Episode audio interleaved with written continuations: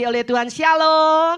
Puji Tuhan, salam sejahtera bagi kita semuanya. Juga salam uh, hangat dari Bapak Pendeta Yohanes Irawan dan seluruh jemaat JKI Hosana di Semarang. Terima kasih uh, Bapak Ibu Ishak Gunawan, Bapak Ibu Pendeta Ishak Gunawan, Bapak Kembali Tempat India dan seluruh tim pastoral yang telah memberi kepercayaan kepada saya pagi hari ini untuk sampaikan kebenaran firman Tuhan. Dan saya bersyukur melihat jemaat di tempat ini adalah jemaat yang bersemangat dan antusias. Amin. Ya, kata antusias itu dari bahasa aslinya enteos ya di dalam Tuhan. Dan saya percaya kalau kita ada di dalam Tuhan dan Tuhan ada di dalam kita itu pasti kelihatan. Dari mana? Dari semangatnya. Amin dari antusiasnya untuk beribadah untuk memuji Tuhan. Nah perenungan kita pada pagi hari ini saya beri judul skenario ilahi. Katakan sama-sama saya. Iya, saudara setiap kita punya cerita hidup yang berbeda-beda. Ya, pasti ya kita punya masa lalu background yang berbeda-beda. Ya, bagaimana kita dibesarkan di keluarga yang seperti apa, tidak ada yang sama. Ya, ada beberapa orang yang uh, begitu negatif memandang kehidupannya.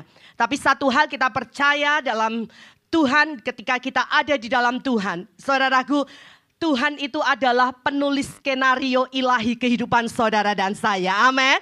Bahkan sebelum kita dilahirkan, ya. Saudaraku Tuhan sudah persiapkan segala sesuatunya, ya. Oke, kita akan buka terlebih dahulu ayat pembuka dalam uh, perenungan kita pagi hari ini dalam Mazmur pasal 139.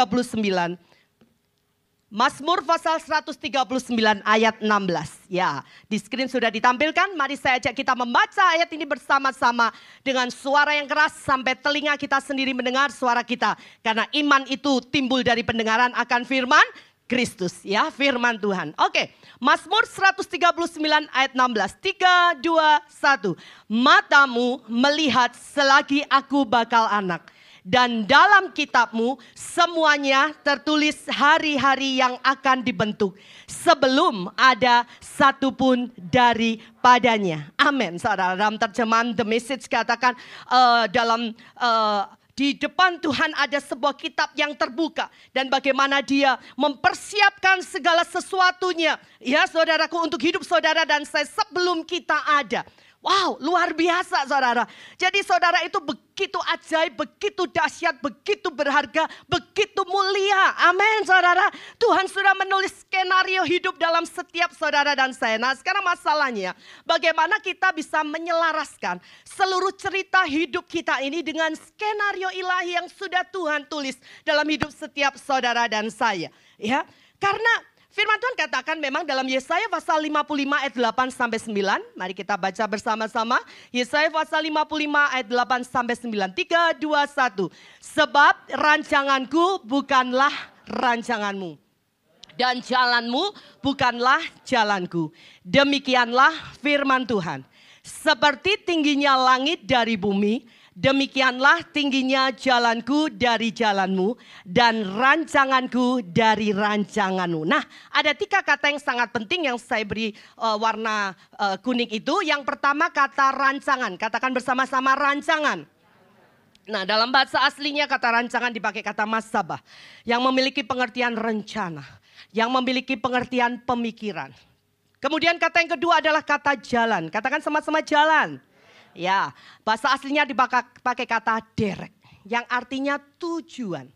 Dan kemudian kata yang penting di sini uh, adalah kata yang ketiga adalah tinggi. Katakan sama-sama tinggi.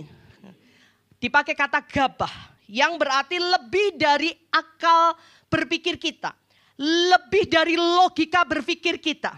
Lebih mulia, lebih luhur, lebih terhormat. Ya saudara, dengan kata lain bahwa ini mengandung pengertian Tuhan itu mempunyai rencana, Tuhan itu mempunyai pemikiran yang melampaui dari akal kepikiran kita. Ya saudaraku, melampaui dari akal logika berpikir kita. Namun semuanya ya bertujuan untuk kehormatan dan kemuliaannya. Amin saudara. Memang gak mudah untuk memahami jalan-jalan Tuhan dalam setiap hidup kita. Tapi ketika kita tahu tujuannya, bahwa tujuannya untuk kebaikan saudara dan saya, tujuannya untuk kemuliaan nama Tuhan, maka saudara, saya percaya kita bisa bersepakat, kita be bisa bersetuju dengan apa pun yang Tuhan rancangkan dalam hidup saudara dan saya. Setuju dengan saya katakan yes. Karena rancangan Tuhan dalam hidup kita itu tidak pernah berubah. Rancangannya tetap sama. Firman Tuhan katakan rancangan bagi Tuhan bagi saudara dan saya adalah masa depan yang penuh harapan. Amin saudara. Rancangannya bukan rancangan kecelakaan. Dia akan memberikan kepada kita saudaraku hari depan yang penuh harapan. Rancangan masa depan yang cemerlang. Saudara kita harus tahu ini. Tujuan Tuhan di balik semua peristiwa persoalan apa pun lah you name it. Ya saudaraku masalah penderitaan saudaraku. Tuhan itu jagonya, Tuhan itu sangat handal ya untuk bekerja di dalam segala yang kita alami dan dia sanggup mengubahkan yang tidak baik, yang manusia reka-rekakan yang tidak baik bagi saudara dan saya, rancangan jahat manusia sekalipun Tuhan dalam segala kedaulatannya sanggup mengubahkannya untuk kebaikan siap kita. Katakan amin. Haleluya. Beri kemuliaan bagi nama Tuhan. Nah, Saudara, bagaimana sekarang kita bisa paham ya dan kemudian kita sepakat ya untuk mengikuti skenario ilahi yang telah Tuhan tulis dalam hidup setiap kita. Ya saudara, dan saya percaya apa pun yang Tuhan kerjakan dalam hidup kita itu selalu baik, teramat baik. Dan benar-benar baik bagi kita, amin saudara. Yang pertama saudara saya renungkan begini ya.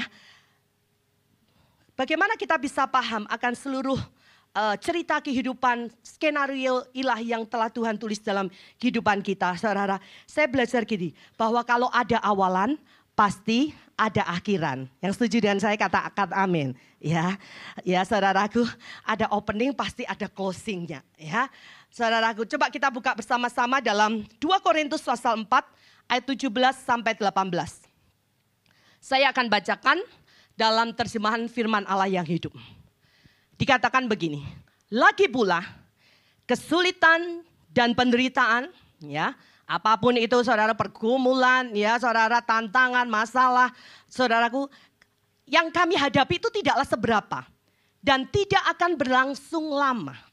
Masa sulit yang pendek ini akan berakhir dengan berkat Allah yang melimpah ke atas kami untuk selama-lamanya. Oke? Ya, untuk selama-lamanya. Nah, saudaraku, saudara lihat di sini bersama-sama apa yang firman Tuhan. Ya saudara, terus selanjutnya, ayat selanjutnya, ayat 18. Jadi kami tidak memperhatikan apa yang kami lihat sekarang. Yaitu segala kesulitan di sekeliling kami. Tetapi kami mengharapkan kesukaan di surga yang belum kami lihat. Kesulitan-kesulitan akan segera berlalu. Tetapi kesukaan yang akan datang kekal untuk selama-lamanya.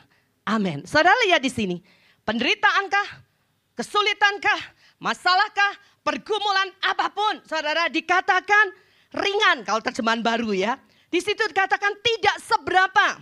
Apalagi tidak berlangsung lama. Apalagi saudara sementara ya.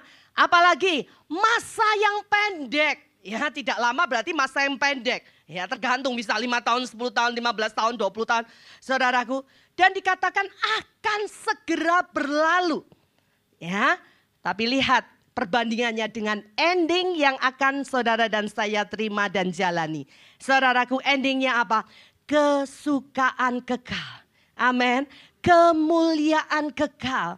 Kebahagiaan dan berkat Tuhan yang abadi melimpah untuk selama-lamanya bagi saudara dan saya. Amin saudara. Saya percaya kalau kita ada dalam tangan Tuhan Hidup kita ada dalam skenario ilahi Tuhan. Ya saudara, yang namanya buruk itu ya saudara justru baik. Ya, yang namanya turun itu justru naik. Yang namanya tidak kelihatan itu bukan berarti tidak ada, saudara. Lihat, kita belajar dari kisah kehidupan Yusuf. Saudara, saya mau tanya, kapan waktu ya saudaraku paling berat ya titik terendah dalam hidup Yusuf. Apakah ketika ia dibuang ke sumur oleh saudara-saudaranya atau ketika dia dijual sebagai budak kepada Potifar Tahukah ketika dia kemudian difitnah oleh Tante Pot. Tahu namanya Tante Pot masih ingat? Namanya ada ingat? Namanya Suleka. Ya, ada namanya Suleka di sini. Ya, saudara. Tante Pot, ya saudara. Kemudian dia dimasukkan ke penjara liang tutupan yang sangat dalam gelap dingin. Dan saya percaya sebelum masuk ke penjara dia pasti disiksa habis-habisan. Gimana tuduhannya pelecehan seksual, saudaraku. Pasti hukumannya berat. Kemarin aja yang terjadi ditembak sama bosnya, saudaraku ya. Ini masih mending dimasukkan penjara tapi pasti disiksa habis-habisan. Dan menurut saudara, titik terendah dalam kehidupan Yusuf itu di mana saudara? Di mana saudara? Saat dalam penjara di liang tutupan. Di negeri yang asing.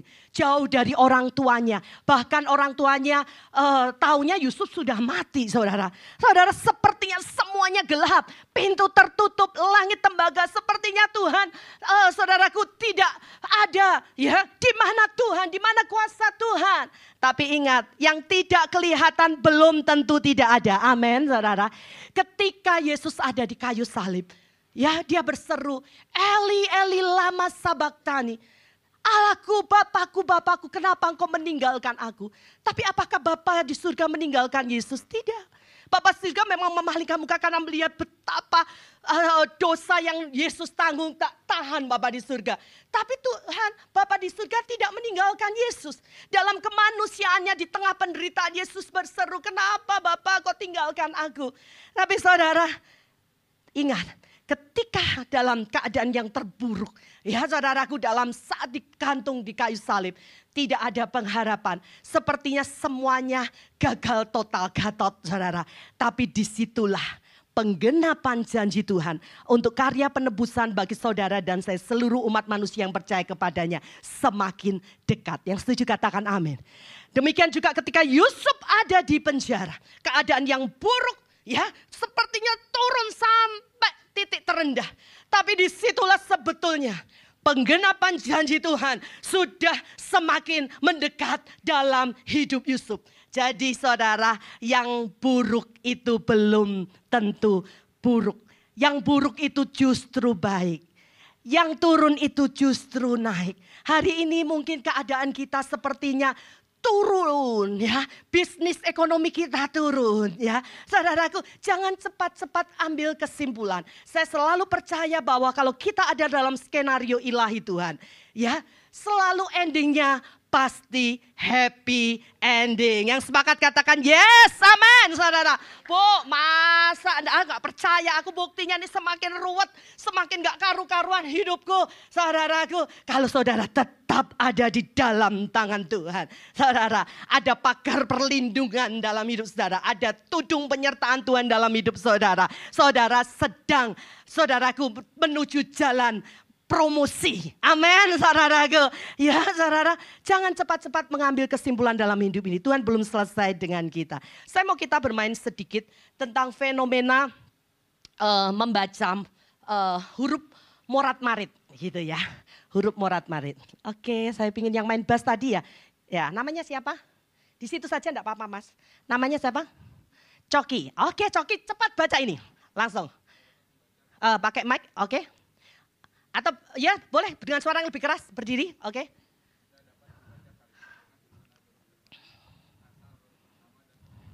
Oke, okay, ya kita dapat membaca kalimat dengan susunan huruf terbalik asal huruf pertama dan terakhir benar. Betul enggak saudara? Betul. Nah saya mau tanya sama Coki. Uh, betul Coki, ya dapat hadiah dulu ya, Bu kasih hadiah dulu, ya dari dapur Ibu. Oke, yang tadi yang ada pitanya. Coki, kamu kok bisa baca cepat begitu kan hurufnya? Saya bolak balik. Uh, dari mana? Kuncinya di mana? Ya, oke. Okay. Terima kasih sama-sama. Gimana? Tahu saja gitu? Bisa aja, bisa aja. Oke, terima kasih. Silakan duduk. Ya, saudara, sebetulnya kuncinya dari apa yang dibaca oleh Coki? Ya, kuncinya gimana kita dapat membaca kalimat dengan susunan mau dibolak-balik seperti apa pun kalau huruf pertama dan terakhirnya benar. Ini kalimatnya mau diganti seruat apa pun, tapi kalau huruf pertama dan huruf terakhirnya tidak diganti benar, saudaraku, kita tetap bisa membaca dengan cepat dan benar. Betul, saudara? Betul, saudara. Ini secara uh, ilmiah juga sudah dibuktikan. Ya, kalau yang awal dan yang akhirnya benar, wes mau dibalik-balik seperti apa, pasti benar. Ya, saudara. Uh, terima kasih ya, Coki ya. Nah, saudaraku, demikian juga dalam hidup ini. Yesus itu alfa dan omega, amin saudara. Dia yang awal dan yang akhir. Dia tahu akhir segala sesuatu sejak dari awalnya. Ya saudara, jadi ketika kita, saya percaya setiap kita, kalau kita mengawali hidup kita di dalam Tuhan, bersama dengan Tuhan. Di tengah-tengah perjalanan ada mungkin banyak tantangan masalah, banyak hal yang bisa mungkin bisa menyurutkan atau menghalangi langkah kita untuk tetap berlari menuju panggilan sorgawi. Tapi kalau kita tahu bahwa dia alfa dan omega, dia yang pegang uh, awal hidup kita, dia yang pegang akhir hidup kita, dia yang ada di masa lalu, dia yang ada di masa kini, dan dia yang ada di masa depan. Kita bisa percaya dan kita bisa mempercayakan hidup kita bahwa rancangannya tidak pernah gagal dalam hidup setiap saudara dan saya. Amin, saudara. Saudara mungkin hari-hari ini kita uh, mengawal dengan sesuatu yang tidak sempurna, saudaraku. Tapi percayalah Tuhan akan mengambil yang tidak sempurna itu untuk menyempurnakan setiap kehidupan kita. Yang kedua, saudara. Yang kedua saya belajar begini. Supaya kita bisa mengerti, memahami seluruh kehendak Tuhan dalam skenario ilahi yang Tuhan tetapkan dalam hidup saudara dan saya. Mari kita baca bersama-sama. Untuk segala sesuatu ada saatnya. Pengkhotbah 3 ayat 11. Ayat yang sangat terkenal kalau uh, ada yang wedding ya ditulis di undangan. Nah saudara kita baca dalam terjemahan bahasa Indonesia masa kini. Yuk kita baca bersama-sama 3, 2, 1. Ia untuk segala sesuatu. Ia memberi kita keinginan untuk mengetahui hari depan.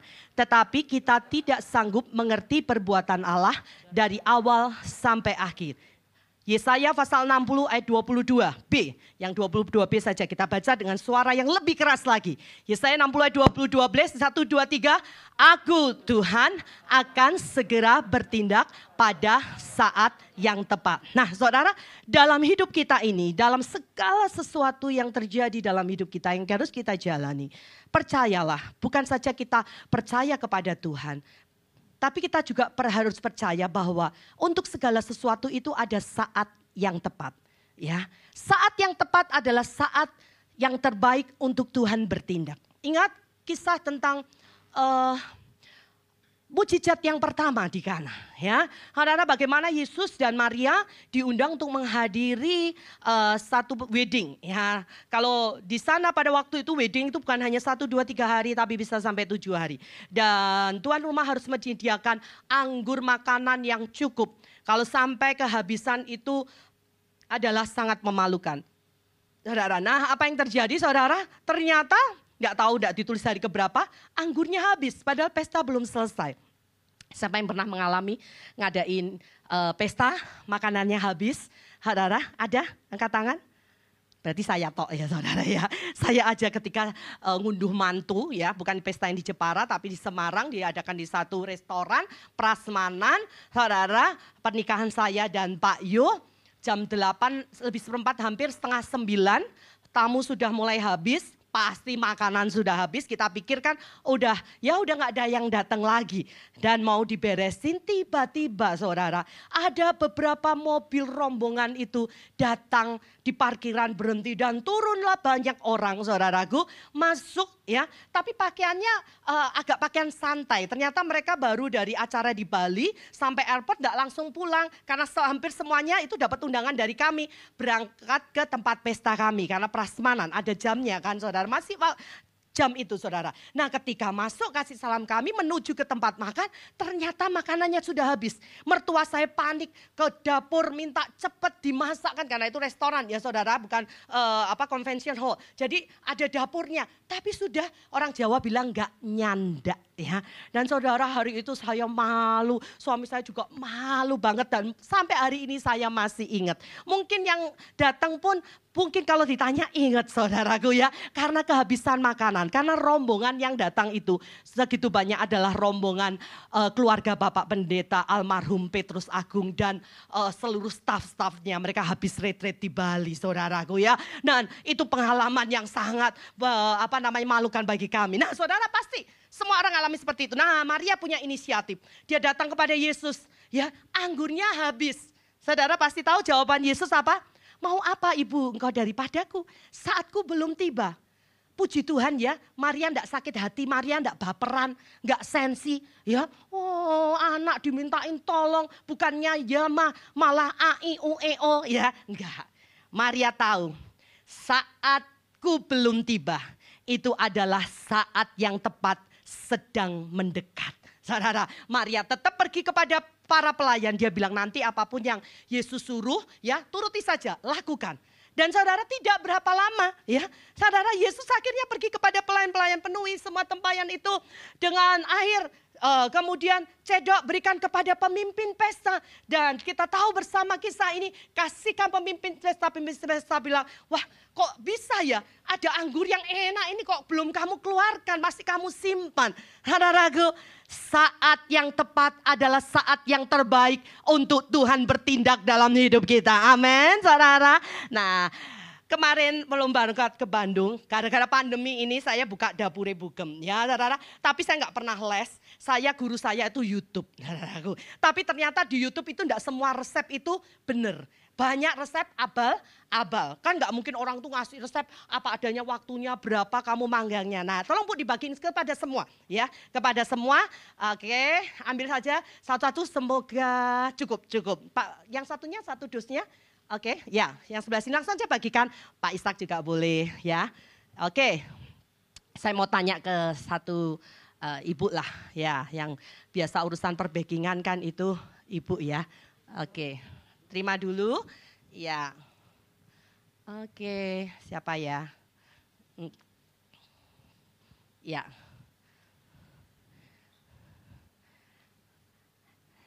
Saya mau tanya yang ibu baju oranye aja.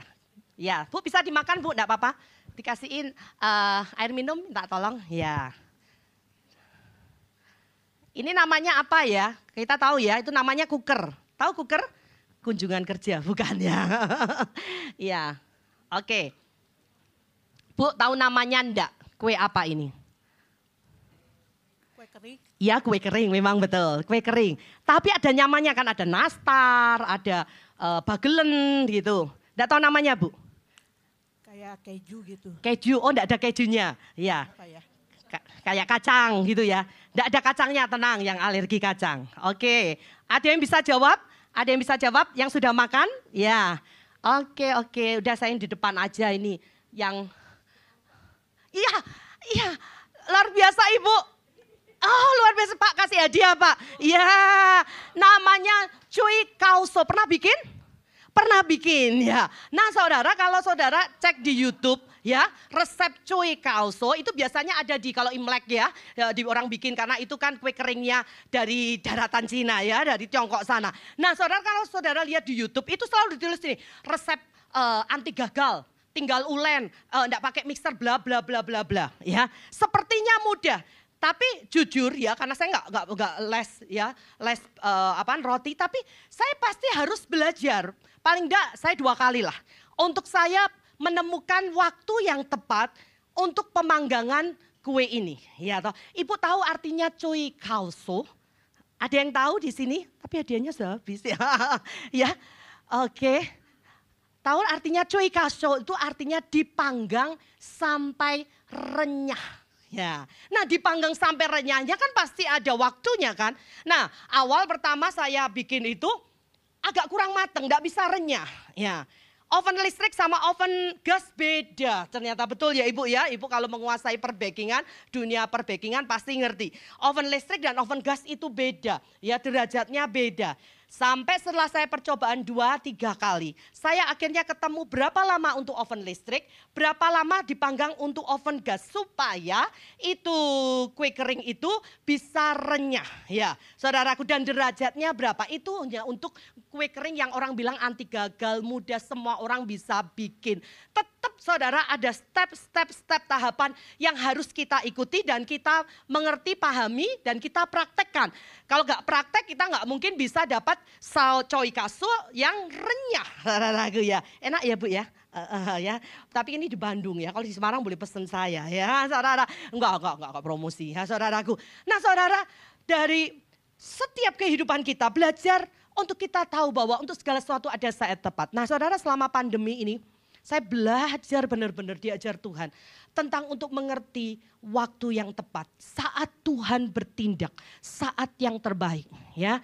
Saudara, jadi waktu pandemi, kita kan nggak ngerti ada pandemi, tapi gereja kami itu uh, adalah tahun terakhir kami boleh di situ. Jadi kami harus cari tempat. 2020 Desember adalah waktu yang terakhir kami ada di situ. Nah saudara kami diberi waktu tujuh tahun. Selama tujuh tahun itu tidak ada uh, kemajuan apa pun. Kami belum dapat tempat. Karena juga saya sama Pak Yu sebetulnya nggak sehati, saudara. Saya tetap berdoa ingin bertahan di tempat itu. Saya uh, apa klaim, saya protes sama Tuhan. Karena kan Tuhan kan bilang di sini tempatnya. Kenapa harus pindah? Tapi saya bertobat ya karena saya uh, ditegur oleh Tuhan. Kalau sekarang suami istri, bapak ibu gembalanya nggak bisa sehati, bagaimana ngajak jemaat untuk sehati? Betul nggak ibu-ibu, bapak-bapak? Ya, saudaraku karena kesepakatan itu adalah jembatan surga dan bumi. Ya, kemudian saya bertobat, saya sepakat dengan suami berdoa sama-sama. Singkat cerita, saudara, uh, bulan Maret kita tahu bersama kan ada pandemi ya. Bulan Maret itu ada pandemi, tidak nyangka banget ada pandemi. Semua gereja seluruh Indonesia harus online, nggak bisa onsite. Ya saudara, kita juga online. Tapi karena kita harus sosialisasikan dengan cepat kepada jemaat, baru dua bulan kita sudah buka uh, apa namanya ibadah onsite saudaraku ya karena Pak Yu harus mensosialisasikan kepada jemaat. Nah saudara kita mulai cari tempat. Kas pembangunan dan seluruh kas sekolah minggu, kas beyut, semua kas wanita dari dua gereja itu kita gabungkan. Saudaraku, itu sangat minim sekali dananya. Hanya cukup untuk angsuran yang pertama. Ya, kami akhirnya dapat tempat, saudara, kemudian deal atas kemurahan hati pemilik gudang itu di satu kompleks pergudangan. Saudara, kami diberi termin untuk bisa mencicil, tapi nggak pakai pecicilan ya saudara, mengangsur tiap bulan sampai Desember 2022. Nah, saudara dapat tempat, kita mikir ngangsur dulu. Nggak mikir bangun, belum mikir bangun. Uh, Pak Yu belum mikir sampai situ, karena nggak ada dana, sama sekali nggak ada dana bulan Juli. Kami belum bangun Maret dapat, sampai bulan Juli itu kami belum apa-ngapain gudang itu. Karena nggak tahu mau gimana ini. Saat saya sama Pak Yu habis melayani retret anak-anak hamba Tuhan pedesaan di Sragen, Solo tepatnya uh, daerah apa gitu saudara. Tiba-tiba kami perjalanan menuju Tangmangu juga ada telepon dari relasi kami ya teman kami. Loh Pak Yu sudah dapat tempat ya? Kok belum dibangun gitu ya saudara? Iya kita masih konsen untuk membayar uh, gudangnya. Untuk pembangunan fisiknya belum. Nah saudara, kemudian teman kami bilang, loh harus dibangun loh Pak Iyo. Karena apa namanya, waktunya jalan terus. Singkat cerita, teman kami ini menawarkan, dia akan bangun dulu. Nggak usah mikir bayarnya. ya Pokoknya fokus untuk pembayaran gedung aja. Nanti setelah itu baru mikir untuk uh, pelunasan uh, kontraktor ini. Nah saudara, ketika ditawari itu, wis gak usah suwe-suwe orang Jawa gitu ya. Pak Yu langsung, ya sudah, waktu dia yang nawarin ya saudaraku ya. Akhirnya deal bulan uh, awal September, akhir Agustus ya. Kalau tidak salah itu mulai pembangunan buat dak, ruang sekolah minggu dan segala macam. Singkat cerita saudara, sampai uh, akhirnya Januari, Februari awal bisa kita pakai Pak uh, Ishak sama Ibu sudah sampai di sana ya. Terima kasih untuk kunjungannya. Nah saudara, Nah sekarang bagaimana caranya bayar itu saudaraku tiap bulan. Deg-degan loh saya saudara. Dibilang enggak deg-degan sampai ada yang bilang Pak yuk sekarang tambah kurus stres ya. Gitu ya saudaraku. Pandemi semua jemaat terdampak. Ketua pembangunan saya nanti uh, kebaktian kedua akan ikut. Dia juga bisnisnya terdampak saudaraku. Dan gak mungkin dari jemaat sudah gak mungkin banyak masalah. Ya saudaraku. Nah saudara saya sempat ngomong sama suami saya kok kalau nanti tiba jatuh temponya harus bayar gak ada duit dikas gimana. Ya nggak tahu. Ya jual mobil. Ya mobil pertama. Uh, uh, nanti jual apa? Ya kalau semuanya sudah dijual gimana? Ya so, apa lagi yang perlu dijual? Kan nggak mungkin jual diri. Ya nggak saudara ya. Kami nggak punya usaha nggak punya apa pun. Nah ini loh pikiran manusia saya mulai jalan. Gini kok, aku ingat teman kita di satu kota pernah cerita. Dia punya dana pembangunan miliatan. Dana pembangunannya masih mengendap. Kita kan nggak mungkin juga ke bank ya. Bank tuh nggak pernah kasih pinjaman kepada pendeta tuh ya nggak mungkin ya Pak ya. Nggak mungkin ya saudaraku. Dan kami tidak tidak mau itu. Nah saudara Apa bilang sama dia kita pinjam tanpa bunga begitu kan? Ya saudara supaya tanpa bunga. Tapi ternyata apa yang menurut saya itu uh, apa namanya otak-atiknya planning-planning manusia, saudara. Semuanya itu saudaraku ya Tuhan tidak berkenan puji Tuhan saya nggak sempat nembung atau ngomong sama teman saya. Ya saudara, nanti nama Tuhan dipermalukan. Bagaimana cara kita mengangsur tiap bulan? Salah satunya saja saya cerita dengan cepat. Saudara, setiap kali waktu jatuh tempo, kurang tiga hari, kurang dua hari. Saudara, ya wes kita cuma bisa glosor berlutut di hadapan Tuhan. Suatu ketika salah satunya, tiba-tiba kami dapat uh, telepon saudara dari seorang ibu ya dia uh, melewati orang lain ya. Tapi saya tidak terlalu kenal, saya hanya ketemu sekali dari sebuah kota kecil jauh dari Semarang saudara. Ya kami kenal dekat. Suaminya waktu COVID itu meninggal tapi bukan karena COVID. Kemudian saya juga sempat datang ke sana. Nah saudara, uh, setelah suaminya meninggal, dia tuh beberes barang-barang suaminya ya baju-bajunya dan apanya dibagi-bagiin di lemari yang kuno begitu. Ketika dia bongkar-bongkar lemarinya, dia cerita, dia ketemu satu toples, saudara. Dan tahu toples ini isinya apa, saudara? Isinya apa? Ada yang bisa bertebak? Yes, kok tahu banget ya. Isinya emas, saudara. Emas-emas kuno. Jadi dia lupa kalau dia punya masih punya sisa emas dari dulu dia punya toko emas saudaraku. Yang sudah dia bahkan sudah tidak ngerti. Ketika dia dapat itu dia orang yang sangat luar biasa taat sama Tuhan. Dia doa ya ini emas ini untuk apa? Untuk siapa? Kok dia ketemu padahal dia sudah tidak lupa dan tidak tahu saudara. Tuhan itu bisa ingatkan suruh kirim ke Semarang saudaraku di tengah-tengah pandemi. Memang tidak bisa dipungkiri pandemi membawa banyak duka, pandemi membawa banyak hal yang terjadi dalam hidup kita. Tapi juga pandemi itu juga berkat yang terselubung. Amin saudara. Kirimlah ke Semarang saudara. Bagian penjualan siapa? Saya. Saya tidak mungkin jual ke toko emas di Semarang kan saya tidak punya kenalan. Saya pulang ke kampung saya, ke Jepara. Saya punya relasi toko emas saudara. Saya setiap kali jatuh tempo hanya bayar, saya ke Jepara. Ya, jual emas itu yang luar biasa. Bukan hanya dapat harga yang sangat baik. Tiap kali hasil penjualan itu diserahkan sama saya. Di bawahnya juga ada amplop. Saya juga mau ikut menabur untuk pembangunan. Begitu setiap kali jatuh tempo saya pulang ke Jepara jual emas. Sampai akhirnya di toko emas itu saya terkenal sebagai pedagang emas, saudaraku ya.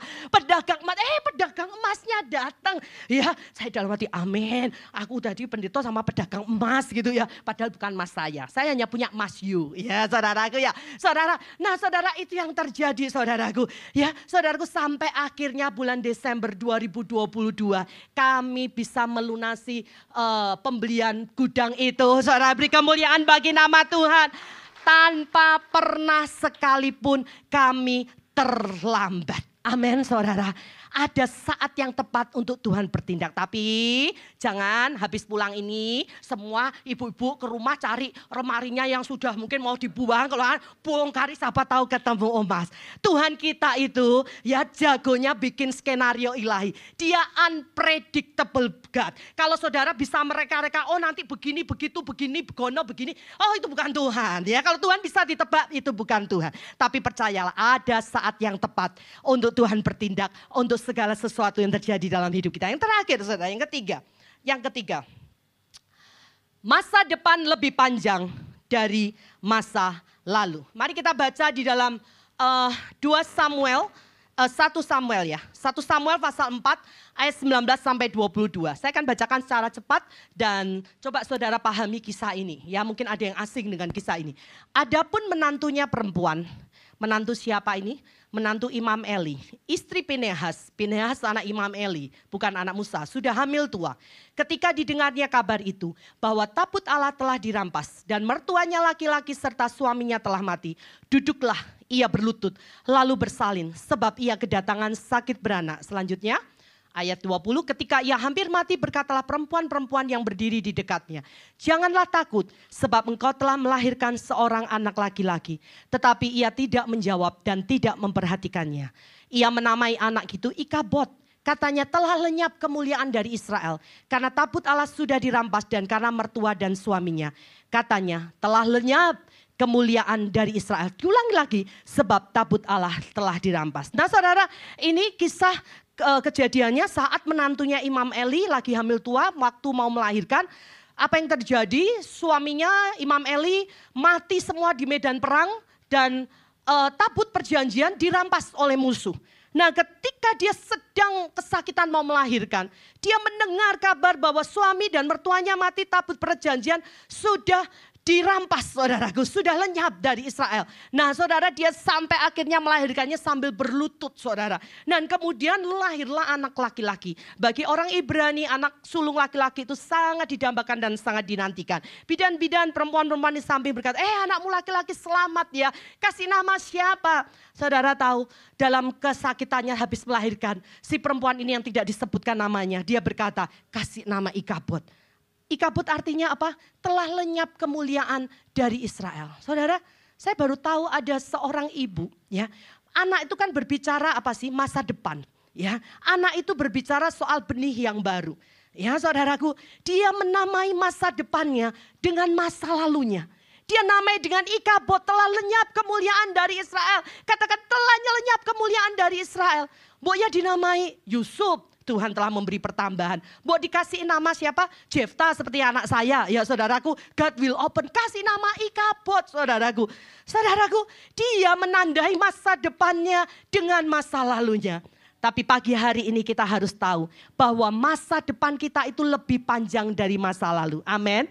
Jangan nandai, jangan uh, namai masa depanmu dengan masa lalumu. Apa pun yang terjadi di masa lalumu, apa pun yang orang katakan tentang hidupmu, tentang dirimu, tentang keluargamu, percayalah saudaraku, masa depan kita bersama Tuhan itu ajaib, dahsyat, luar biasa dan terlalu amat mulia dan baik. Amin, saudara.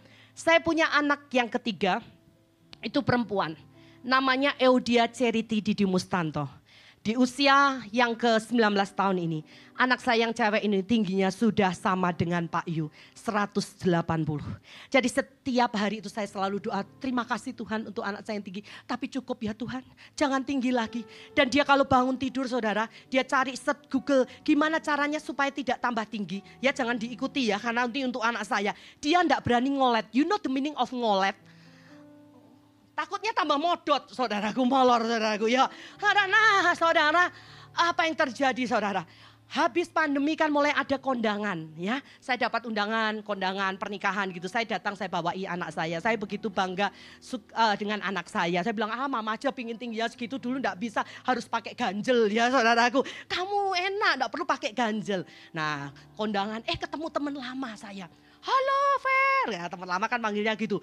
Pertama dia ngomentari saya, ya ampun Fer, kue kok saiki lemune koyok bom. Ini orang Jawa ya, mudeng ya bu ya. Koyok bom, waduh saya yang oh, badan pernah langsung mengkeret saudaraku ya. Pulang tuh saudara saya cari kaca yang besar ya. Saya lihat diri saya, apa benar ya saya itu kayak bom ya sekarang ya saudara. Ya saya tuh sampai takut ya, kok saya dibilang kayak bom. Tapi roh kudus terus ingatkan saya, memang kamu harus kayak bom karena apa? Di dalam kita ini ada dunamos, betul? Ya kan roh kudus kan dunamos, dinamit. Kita ini harus memiliki daya ledak, amin. Hidup kita itu harus bikin daya ledak, membawa perubahan, membawa terobosan. Oh gitu ya Tuhan. Jadi sekarang kalau ada orang bilang tambah lemur popo saudara. Itu buat saya warning supaya jangan banyak makan begitu ya saudara. Tapi kalau ada yang bilang, waduh Bu Vera sekarang tambah langsing nanti saya pulang saya suruh ajak Pak Yu makan saudaraku ya. Pak Yu bilang hati-hati dengan pujian. Nah saya nggak apa-apa. Nah anak saya saudara. Eh lihat anak saya. Ya ampun Fer. Iki ya bahasa Jawa ya. Nanti kalau nggak tahu tanya Bu David ya. Ini iki anakmu ya. Ini anakmu ya. Durmen. Durmen tuh tinggi men gitu ya. Terus nggak apa-apa sampai di situ nggak apa-apa. Belakangnya pasti susah saya dapat bojo. Kayak gitu. Waduh anak saya langsung di Gitu saudaraku ya. Terus ketemu anak-anak sekolah minggu ya. Kan sudah lama tidak ketemu. Aduh cici tinggi men. Nah enggak apa-apa. Tinggi itu enggak apa-apa saudara pujian. Belakangnya bahasa basinya tuh basi banget saudara. Yang satu hm, cici pasti susah deh dapat pacar Duh saudara itu anak saya pulang itu sedih banget. Mah aku sedih loh mah.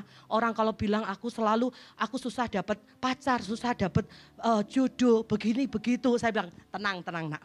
Tuhan itu punya rancangan yang dahsyat dalam hidupmu. Amin. Ya, hari ini pun mama papa sebenarnya doanya kamu jangan pacaran sekarang karena saya masih pingin me time terus dengan dia. Kalau saya pelayanan kan dia selalu nemani hari ini karena dia tugas di gereja.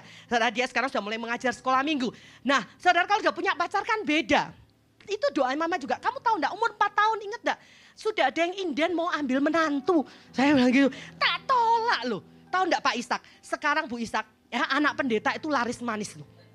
Kalau zaman dulu mau dapat mau dapat pendeta, wah jangan, mau dipakani apa, mau dikasih makan apa, begitu ya. Sekarang itu, waduh, buktinya berapa waktu lalu saya ada orang nelpon seorang ibu, ya teman saya ya dia bilang, eh kamu tahu enggak anakku yang pertama dia hanya punya anak laki satu, perempuan satu. Kan dia sudah selesai di ITB di sini, kemudian dia kerja di luar ya di satu perusahaan company yang cukup uh, bagus ya uh, skala internasional dan dia punya posisi bagus, dia mau pulang. Setelah cukup lama mau, uh, apa namanya belum pulang dia mau pulang, mamanya tuh kepikiran kok anaknya enggak pernah uh, pacaran bla bla bla. Aku pengen ngenalin anakmu sama anakku. Eh, anakku sama anakmu gitu ya Oh gitu ya. Ya udah kita ketemu makan aja. Saya juga enggak, oh enggak mau gitu kak kayaknya gimana gitu ya. Mau diajak makan gratis oke okay lah. Dan akhirnya dulu saya kan juga dicomblangi bukan. Gitu. Saya ngomong sama noni saya, non kita mau diajak makan sama tante ini mau dikenalin anaknya. Saya puji Tuhan anak saya enggak, oh jangan gini nih, oke deh makan apa salahnya gitu ya saudaraku. Cuma saya bilang sama teman saya ini, kamu sudah pernah lihat anakku? Anakku tuh tinggi loh 180 loh. Oh, terus enggak apa-apa, pokoknya kenalan dulu. Ya saudara, akhirnya tibalah harinya dari keluarganya, dari keluarga saya, dan ada satu uh, uh, teman yang kami tuakan juga hadir di situ, saudara. Singkat cerita kami ketemuan. Dan gimana endingnya? Ya, endingnya gimana? Nah, itu nanti next chapter ya saudara. Cuma saya mau kasih tahu ke anak saya, wes enggak usah bingung. Kak, ini loh, kan ada orang yang telepon mau ambil kamu mantu, ya. Bukan terus saya tawar-tawarkan anaknya, eh sama anakku sama enggak, saudara. Mama tahu masa depanmu, destinimu di depan itu, wow Tuhan dahsyat luar biasa. Mama sudah bisa lihat karena Tuhan itu penulis skenario yang ada dalam hidup kita. Amin. Yang pulang naik mobil, saya mau tanya, kenapa kaca untuk melihat depan kecil tapi kaca untuk melihat belakang kok ke, eh sorry, Kaca untuk melihat depan besar, kaca untuk melihat kecil, spion kok eh, belakang kecil. Ada yang tahu, bapak-bapak? Kenapa? Kok yang untuk melihat depan itu besar, yang untuk melihat belakang kecil? Ada yang tahu? Kenapa? Supaya, oh luar biasa Bapak ya, luar biasa Bapak. Karena yang di belakang itu tidak sepenting apa yang di depan. Amin, saudaraku. Yang berlalu biarlah berlalu.